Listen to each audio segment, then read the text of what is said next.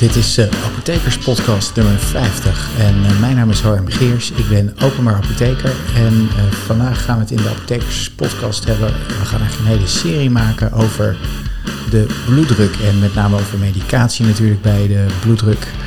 En vandaag is, beginnen we met een, met een inleiding van, de, nou ja, van, van wat, wat nou eigenlijk hoge bloeddruk eigenlijk is. Hè? Want dat is natuurlijk de vraag, wat is nou die bloeddruk? Nou, de bloeddruk is eigenlijk uh, de druk die ontstaat als het uh, hart moet rondpompen. En als het hart rondpompt, dan moet het, het bloed eigenlijk in de vaten pompen. Nou, die vaten hebben natuurlijk een weerstand. En op het moment dat je dat, dat het hart samentrekt, dan zal die weerstand toenemen. En dan zal op een gegeven moment zal de weerstand overwonnen worden en kan het bloed door de vaten stromen. En uh, nou ja, daarmee ontstaat er dus een bepaalde druk en die noemen we de bloeddruk. En de bloeddruk heeft eigenlijk uh, nou, twee waarden die je altijd hoort: hè, de onderdruk en de bovendruk. En die noemen ze ook wel de systolische bloeddruk en de diastolische bloeddruk. Uh, wat wil dat nou zeggen? Nou, eigenlijk is dat heel makkelijk. Op het moment dat het hart samen knijpt, knijpt hij eigenlijk zijn inhoud leeg in de vaten. En op het moment dat het hart samenknijpt, noem je dat de systole. Dan is de bloeddruk ook iets hoger natuurlijk, omdat die weerstand over, uh, overwonnen wordt. En daarna gaat het hart zich weer ontspannen. En dat noem je diastole. Nou, het is ook logisch dat de bloeddruk dan iets daalt. En normaal gesproken is die bloeddruk uh, die, die is rond de 120 uh, eh, systol en 80 diastol. Dus eigenlijk 120, 80. Dan doen ze de normale bloeddruk. Nou, de bloeddruk is eigenlijk gedurende de hele dag variabel. Want het is natuurlijk niet zo dat je bloeddruk altijd als je meet hetzelfde is. Dat is zeker niet waar. Die bloeddruk die wisselt heel erg uh, gedurende de dag en gedurende de nacht ook. Hè. Zo, uh, met name s'nachts uh, verwacht je dat de bloeddruk, als het lichaam in rust is, dat die daalt. En, en dat is ook de bedoeling. Er zijn ook, zijn ook, mensen bij wie dat niet het geval is. En die hebben dan ook nachtelijke hoge bloeddruk. Dat is reden waarvoor, waarom sommige mensen hun medicatie dan ook s'avonds moeten innemen. Um, maar daar gaan we het verder nu niet te veel over hebben. Um, wanneer is er dan sprake van hoge bloeddruk? Nou, eigenlijk is die uh, hoge bloeddruk, die treedt eigenlijk op op het moment dat je een uh, bloeddruk hoger hebt dan, de, ja, dan 120 mm systol. Hè? En uh, ja, daarbij is het heel erg belangrijk dat we ook gaan kijken naar, uh, want is het nou 121 mm kwik, dat is de waarde waarin het gemeten wordt. Is het nou wel hoge bloeddruk? Nee, natuurlijk is dat geen hoge bloeddruk. Uh, maar is het 140, is 150 dan hoog? Ja, dat is al wat verhoogd. Hè, dus die grens ligt een beetje bij de 120, maar er wordt natuurlijk, moet natuurlijk gekeken worden naar risico's. Want ja, eigenlijk is dat belangrijk. Een hoge bloeddruk is een risicofactor voor het krijgen van hart- en vaatziekten. Maar er zijn er natuurlijk een hele hoop andere risicofactoren die meespelen. En dat is ook belangrijk voor de behandeling van de bloeddruk, dat je die risicofactoren goed in beeld hebt. Nou, hoe ontstaat nou eigenlijk die hoge bloeddruk? Nou, die hoge bloeddruk ontstaat eigenlijk, en naarmate je ouder wordt, dan, uh, dan, dan slijten zeg maar je bloedvaten een beetje. Nou ja, slijten is misschien niet het goede woord, maar ze verouderen. En uh, nou ja, afhankelijk van hoe je leeft, zorg, uh, verouderen ze sneller of langzamer. En uh, dat proces, dat noemen ze atherosclerose. Hè? En atherosclerose betekent eigenlijk dat de bloedvaten, nou ja, er komt cholesterol, cholesterolproppen komen erin, plaks noemen ze die. En er treedt ook vaak op wat calciumafzetting in de vaten op, waardoor, er, ja, waardoor die vaten ook stijver worden. Dus naarmate mensen ouder worden, worden die vaten stijver. Nou, je kan je voorstellen dat op het moment dat het hart door een stijf bloedvat gaat pompen, dat het, de bloeddruk veel hoger stijgt dan als dat vat elastisch is en die, die, zeg maar, die, die puls die het hart geeft een beetje kan opvangen. Dus uh, ja, naarmate je ouder wordt, heb je dus dan ook vaker een hogere bloeddruk, met name tijdens de systole. Uh, nou ja, dat is natuurlijk één ding, dat is die aderverkalking of die, die ouderdom. Een tweede uh, oorzaak waardoor de bloeddruk kan stijgen, dat, dat, dat noemen ze dan secundaire hypertensie. Hè. Dan is er eigenlijk een andere oorzaak die die bloeddruk laat stijgen. Nou, en die, die, dat eerste, hè, die atherosclerose, wat zijn er dan de risicofactoren van? Dat is natuurlijk super belangrijk om te weten. Hè, dat is chronische nierschade, want op het moment dat je nieren niet meer goed werken, kunnen ze het vocht ook niet goed meer af, uh, afvoeren. En uh, nou ja, op het moment dat dat vocht niet wordt afgevoerd, krijg je dus eigenlijk relatief wat meer volume. En je moet, dan moet je hart weer tegenaan om dat volume te verwerken en rond te pompen. En dan stijgt je bloeddruk weer. En als je bloeddruk weer stijgt, dan gaan je, komt er weer meer druk in je nieren. En uh, nou ja, daar kun je nieren dan niet zo goed tegen. Die gaan nog slechter werken. Nou ja, en zo kom je in een soort vicieuze cirkel. Hetzelfde geldt ook bij, uh, of hetzelfde, een andere risicofactor is uh, diabetes. En daar hebben we het natuurlijk al uitgebreid over gehad in een hele serie podcast. Roken is natuurlijk ook een hele belangrijke risicofactor. Die zorgt eigenlijk dat dat aderverkalkingsproces gewoon toeneemt. Je aderen raken beschadigd door roken. Overgewicht is een uh, risicofactor. Wat ook logisch is, want hoe meer massa je hebt, hoe meer bloedvaten je hebt, hoe meer bloedvaten je hebt, hoe hoger de druk is en hoe langer de afstand die je bloed moet afleggen. Dus dat kost veel meer arbeid voor je hart. Een hoog cholesterol is natuurlijk een belangrijke risicofactor, want dat cholesterol gaat zich afzetten in je bloedvaten. En uh, ja, daardoor ontstaan die cholesterolplaks. Nou, natuurlijk een familiegeschiedenis met hart- en vaatziekten. Er zijn natuurlijk altijd mensen die meer gevoelig zijn voor hart- en vaatziekten. Ja, als je, dat, uh, als je ouders dat hebben, dan heb jij natuurlijk ook een beetje pech, omdat je dan ook meer risico loopt. Nou, verder de leeftijd, dat was wel duidelijk. Het geslacht. Mannen hebben meer risico op hart- en vaatziekten dan vrouwen. En het allerbelangrijkste natuurlijk ook waar je zelf wat aan kan doen, dat is natuurlijk de leefstijl. Zittende houding, uh, niet sporten, veel eten en, en, en, alcoholgebruik, roken. Dat zijn allemaal dingen die natuurlijk niet zorgen dat je hart-vaatstelsel in goede conditie blijft. En dat moet je eigenlijk wel zien te bewerkstelligen als je uh, de kans op aderverkalking of atherosclerose wil verminderen en ook de kans op hoge bloeddruk wil verminderen. Dus veel sporten, gezond eten, op tijd naar bed, voldoende slaap zijn allemaal heel belangrijke factoren die meespelen voor uh, ja, eigenlijk in, in, die je met je leefstijl waarmee je je hart- en vaatziekten goed positief kan beïnvloeden. Nou, die secundaire hypertensie, wat is dat dan? Hè? Want dit is eigenlijk de gewone hypertensie, maar die secundaire hypertensie, dat is eigenlijk ja, dat, dat, is, dat is hoge bloeddruk die ontstaat door bijvoorbeeld het eten van veel te veel zout. Dat is natuurlijk ook een beetje een leefstijlprobleem. Uh, wat je ook wel ziet is mensen die heel veel drop eten. En dan bedoel ik niet gewoon één, één of twee dropjes per dag, maar echt, echt heel veel drop. Die uh, kunnen ook hoge bloeddruk ontwikkelen.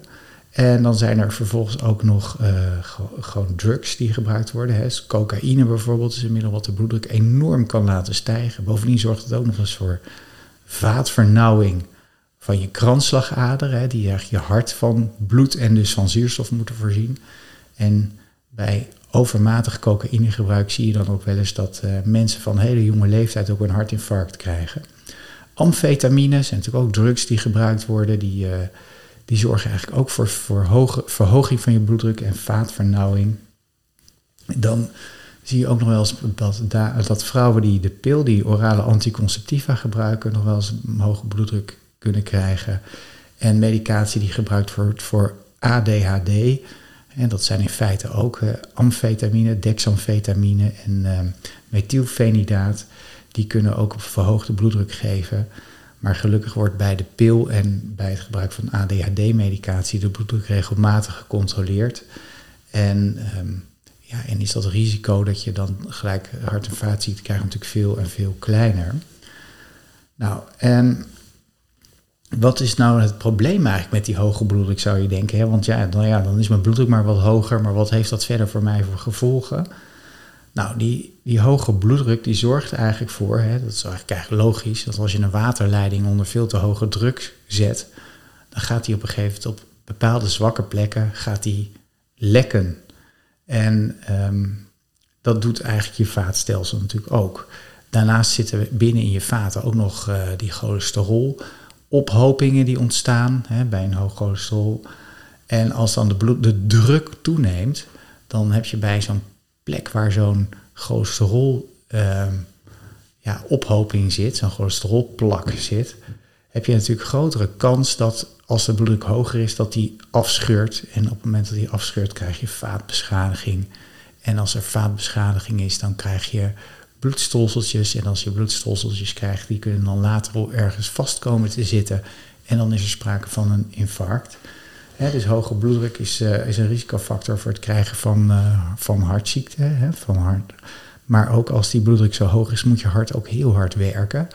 En dan bestaat ook het risico dat, er, dat, uh, dat het hart dat niet meer aan kan. En dan spreek je van hartfalen. Nou, bij je nieren gebeurt hetzelfde. Hè. Op het moment dat de druk daar te hoog is, dan, heb, dan worden je nieren eigenlijk overbelast. Hè. Die filtertjes die er zitten, die worden onder veel te hoge druk gezet. En dat leidt tot schade en beschadigingen. En in je hoofd, in je hersenen, is het natuurlijk ook zo dat als die vaten continu maar onder hoge druk staan, dat ze uh, beschadigingen gaan vertonen en, en daardoor de kans op een uh, herseninfarct ook toeneemt. Nou, dat is eigenlijk de reden waarom je eigenlijk hoge bloeddruk zou willen behandelen uh, als je in het juiste risicoprofiel valt. En dat is altijd iets wat de, de huisarts of de internist of de cardioloog opstelt, zo'n risicoprofiel. En dat gebeurt, nou ja, het meeste zal dat gebeuren bij de huisarts, in Nederland tenminste. En dat risicoprofiel dat wordt bepaald op basis van de bloeddruk, of iemand rookt of niet, het geslacht, man of vrouw, en het cholesterol. En wat er dan bepaald wordt is het 10 risico op sterfte. Is dat groter, dan, groter of gelijk dan 5%, dan gaat men behandelen. Is dat kleiner dan 5%, dan gaat men dat niet behandelen. Er zitten nog een paar mitsen en maren aan. Uh, tevens tevens wat, wat ook meegenomen wordt, is de kans op, uh, op sterfte of op ziekte. En die moet boven de 15% zijn. Nou, hoe werkt nou die risico-inschatting? Um, op het moment dat die, die inschatting is gemaakt, dan heb je een aantal dingen die je kan doen. Hè, drie dingen eigenlijk. De beïnvloeding van je cholesterol. Kan je, je kan het cholesterol naar beneden brengen, dat doen ze met statines bijvoorbeeld. Um, dan heb je minder ophoping van, dat, van, die, van die cholesterolplaks in je vaten en ook minder risico op het krijgen van een hartinfarct. Andere ding wat, uh, wat je beïnvloedt is natuurlijk de bloeddruk en dat doe je met medicatie. Daar komen we nog op. En het derde ding wat je kan doen, en dat is eigenlijk iets wat u zelf ook, waar u zelf ook heel veel invloed kan hebben en wat echt heel erg belangrijk is, dat is de beïnvloeding van leefstijl. Stoppen met roken, meer bewegen, gezonder eten, afvallen, nou ja, ik heb ze in diverse podcasts al uh, genoemd. Dat zijn hele belangrijke risicofactoren. Minder zout eten bijvoorbeeld is ook een hele belangrijke. Wat ontzettend moeilijk is, wat mensen vaak ongemerkt heel veel doen, is te veel zout eten. Want bijna overal zit zout in. Um, nou, even een voorbeeldje van zo'n risicoprofiel. Hè. Ik heb gekeken naar, uh, en met name is dat uh, de invloed van roken. En dan heb ik gekeken in de risicotabel van de van de Nederlandse huisartsgenootschap van, het, uh, van de standaard uh, cardiovasculair risicomanagement. Ik zal de, de link daar naartoe in de show notes opnemen. Als je dan een man hebt van uh, eh, 60 jaar met een hoog cholesterol um, en een laag goed cholesterol, je hebt goed en slecht cholesterol, en dat noemen ze dan de ratio, het totaal cholesterol gedeeld door het HDL, dat is het goede cholesterol. Als dat nou heel laag is, dan is die ratio heel hoog en dat is niet gunstig. Uh, en een hoge bloeddruk van ongeveer 150 tot 160 mm kwik in de systolische bloeddruk. Het risico op overlijden met roken is 11 tot 16 procent in 10 jaar. En het risico op ziekte op eh, of sterfte is 37 tot boven de 50 procent. Nou, stel je voor dat die man gaat stoppen met roken. Dan daalt zijn risico op overlijden tussen de 11 en 16 procent naar de, tussen de 5 en de 9 procent. Dus dat is... Uh, dat is bijna een halvering van het risico. En de kans op ziekte en sterfte die daalt van 20, tussen de 20 en de 40 procent. Ook daar bijna een halvering. En nou ja, als die meneer of mevrouw, nou in dit geval dus deze meneer dan dus behandeld gaat worden, dan er, wordt er gekeken naar een aantal zaken. Uh, er wordt gekeken naar uh, de kwetsbaarheid van iemand als hij boven de 70 is. Uh, en wat betekent nou kwetsbaarheid? Kwetsbaarheid betekent eigenlijk dat, uh, dat er uh, allerlei problemen kunnen zijn. En dat is met name bij oudere mensen. Daar, daar zie je een verhoogde kwetsbaarheid als ze bijvoorbeeld mobiliteitsproblemen hebben. Ze kunnen dus niet zo goed lopen. Balansproblemen, ze, ze, ze raken snel een evenwicht kwijt. Ze hebben soms moeite met communiceren, geheugenproblemen, uh, psychische problemen, incontinentie, het ontbreken van een sociaal netwerk, alleenstaand zijn. Dat soort dingen maken iemand kwetsbaar. En kwetsbare mensen willen we eigenlijk het risico ver, verkleinen dat die, hè, zeker als ze bijvoorbeeld mobiliteitsproblemen hebben of, of balansproblemen, dat je uh, hun bloeddruk zo ver naar beneden brengt dat ze dus als ze opstaan bijvoorbeeld tijdelijk uh, wat licht in het hoofd worden en bijvoorbeeld vallen. Dus daar zijn, daar zijn de regels wat minder streng. En waar gaat, gaan we dan naar kijken? Nou, we kijken altijd naar het slechte cholesterol, dat is het LDL-cholesterol, en naar de bloeddruk. Nou, als iemand nou onder de 70 jaar is en hij heeft risico op hart- en vaatziekten, dan wil men dat het LDL kleiner dan 1,8 millimol per liter is. En dat is dus een vrij strenge grens. Bij diabetes en bij, uh, uh, bij, andere, bij chronische nierschade wil men het LDL onder de 2,6 hebben. Dus met name bij hart- en vaatziekten wil men het LDL laag hebben. Bij mensen boven de 70 is, is die afkapwaarde voor het LDL 2,6. En bij, uh, bij de mensen met boven de 70 die kwetsbaar zijn, moet je je afvragen of je inderdaad iets wil gaan doen met dat LDL. Uh, voor de bloeddrukken gelden, gelden eenzelfde soort regeling. Hè. Mensen die onder de 70 zijn en die, uh, die hart- en vaatziekten, diabetes of chronische nierschade hebben, daar wil men eigenlijk de, de bloeddruk, met name de systolische bloeddruk, onder de 140 hebben.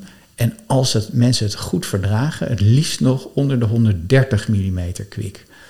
Dus dat is de afweging. Dus als mensen onder de 140 komen, dan is het goed. Maar het is nog beter als ze onder de 130 komen. En als ze dat verdragen door de geneesmiddelen qua dosering wat op te hogen, dan is dat, biedt dat allemaal levenswinst. En dat is natuurlijk een afweging die gemaakt moet worden samen met de, degene zelf die de geneesmiddelen moet gaan slikken natuurlijk. En uh, als iemand boven de 70 is, dan, wordt de, bloeddruk wat minder uh, streng. Die wordt eigenlijk onder de 150 en als mensen het kunnen verdragen, onder de 140. En bij mensen boven de 70 die ook nog kwetsbaar zijn, dan mag de bloeddruk onder de 150 zijn. Als de diastole bloeddruk ook dan maar boven de 70 is. Dus daar is een extra criterium voor de diastolische bloeddruk. Nou, als je dan gaat behandelen, die bloeddruk gaat behandelen, dan zijn er een aantal geneesmiddelengroepen die je kan gebruiken.